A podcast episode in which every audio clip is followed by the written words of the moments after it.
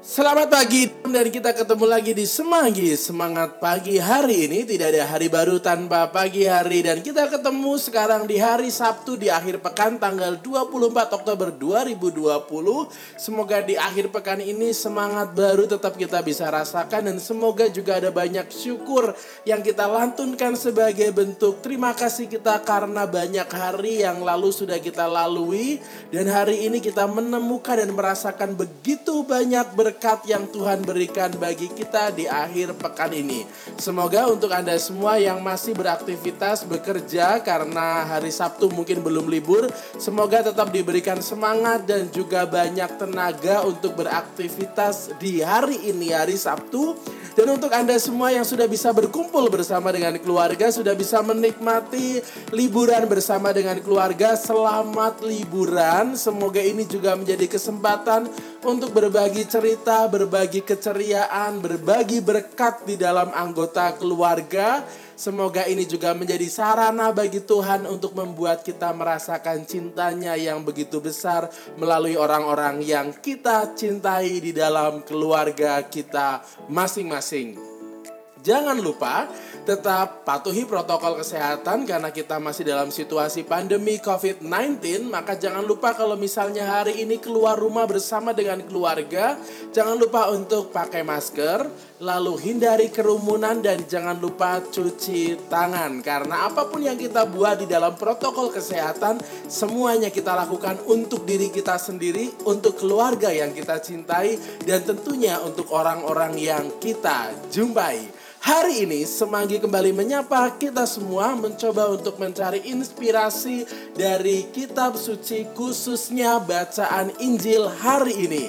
Sabtu 24 Oktober 2020 kita akan membaca dan mendengarkan Injil Lukas bab 13 ayat 1 sampai dengan 9. Untuk Anda semua yang pengen baca secara keseluruhan full Injil pada pagi hari ini, Anda pause suara saya Lalu Anda buka kitab sucinya atau buka handphonenya dan Anda baca keseluruhan dari Injil Lukas bab 13 ayat 1 sampai dengan 9.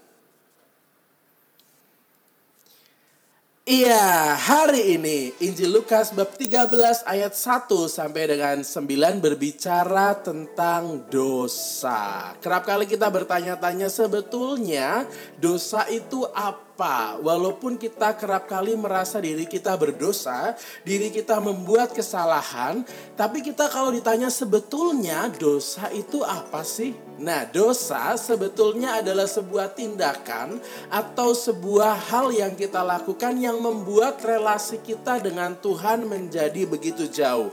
Karena apa? Karena kita merasa sudah bikin salah, kita membuat Tuhan itu lalu kecewa dengan diri kita, lalu kita merasa Tuhan itu marah dengan kita maka relasi kita dengan Tuhan menjadi jauh.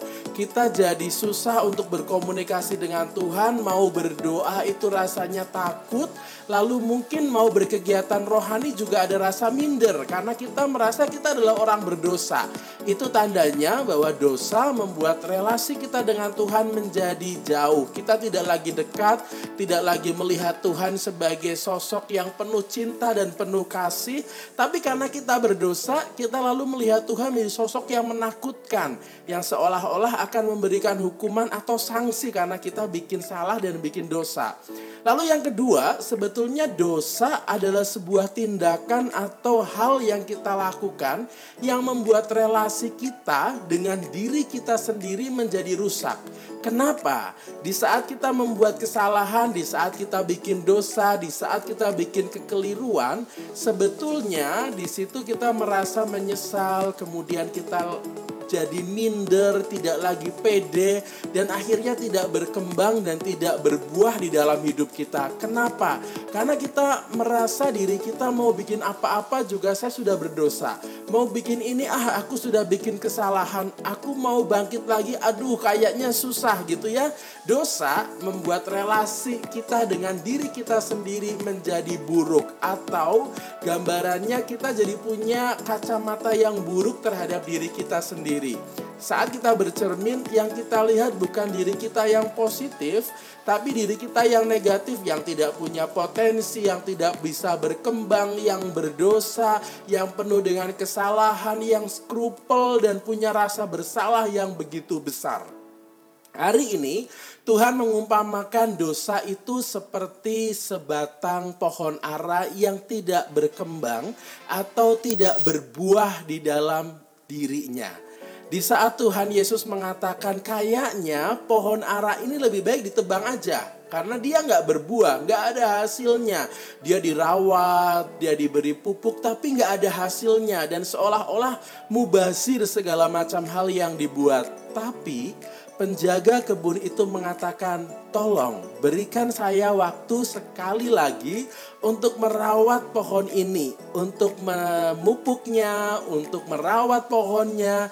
Nanti kalau tahun besok tidak berkembang dan tidak berbuah, silakan boleh potong pohon ini." Dari perumpamaan ini sebetulnya kita diajak untuk merenungkan begini. Di dalam hidup kita mungkin bikin dosa, kita mungkin bikin kesalahan, kita mungkin gak berkembang dan gak bertumbuh.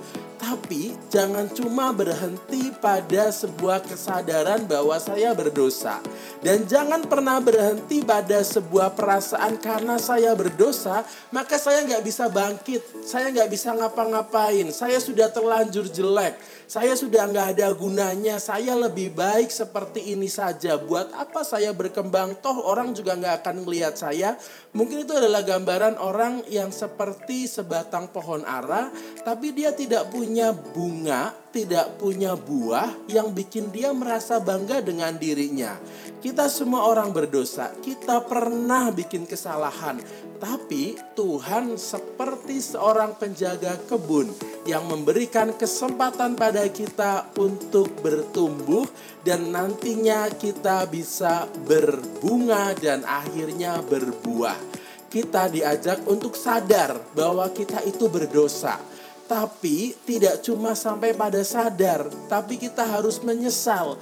Tapi juga nggak boleh pada penyesalan saja, tapi penyesalan harus membuat kita bangkit lagi, mengambil kesempatan lagi untuk kembali berproses, melihat diri kita tidak hanya secara negatif kita orang berdosa dan selalu menyalahkan diri, tapi cobalah cari sesuatu dalam diri kita yang bisa kita kembangkan supaya nanti kita bisa berkembang dan akhirnya bisa berbuah. Terima kasih untuk hari ini. Selamat pagi untuk Anda semua yang sudah memulai akhir pekan ini dengan penuh sukacita dan penuh dengan kebahagiaan. Semoga hari ini kita juga sadar bahwa diri kita adalah pohon ara yang punya kesempatan untuk kembali dirawat, kembali bangkit, kembali bertumbuh, dan akhirnya nanti kembali berbunga dan berbuah sebagai berkat yang kita miliki dari Tuhan dan sekaligus menjadi bekal bagi bagi kita untuk membagikan berkat itu kepada banyak orang yang kita jumpai. Selamat pagi, salam untuk keluarga Anda di mana pun Anda berada. Salam hangat untuk mereka. Semoga kebahagiaan dan sukacita juga menjadi kesempatan di dalam keluarga Anda untuk berbagi dan bersharing. Salam untuk orang-orang yang Anda jumpai. Senyumlah kepada mereka karena itu juga adalah buah yang bisa Anda bagikan hari ini. Terima kasih, selamat pagi dan semanggi. Semangat pagi hari ini, see you dan bye-bye.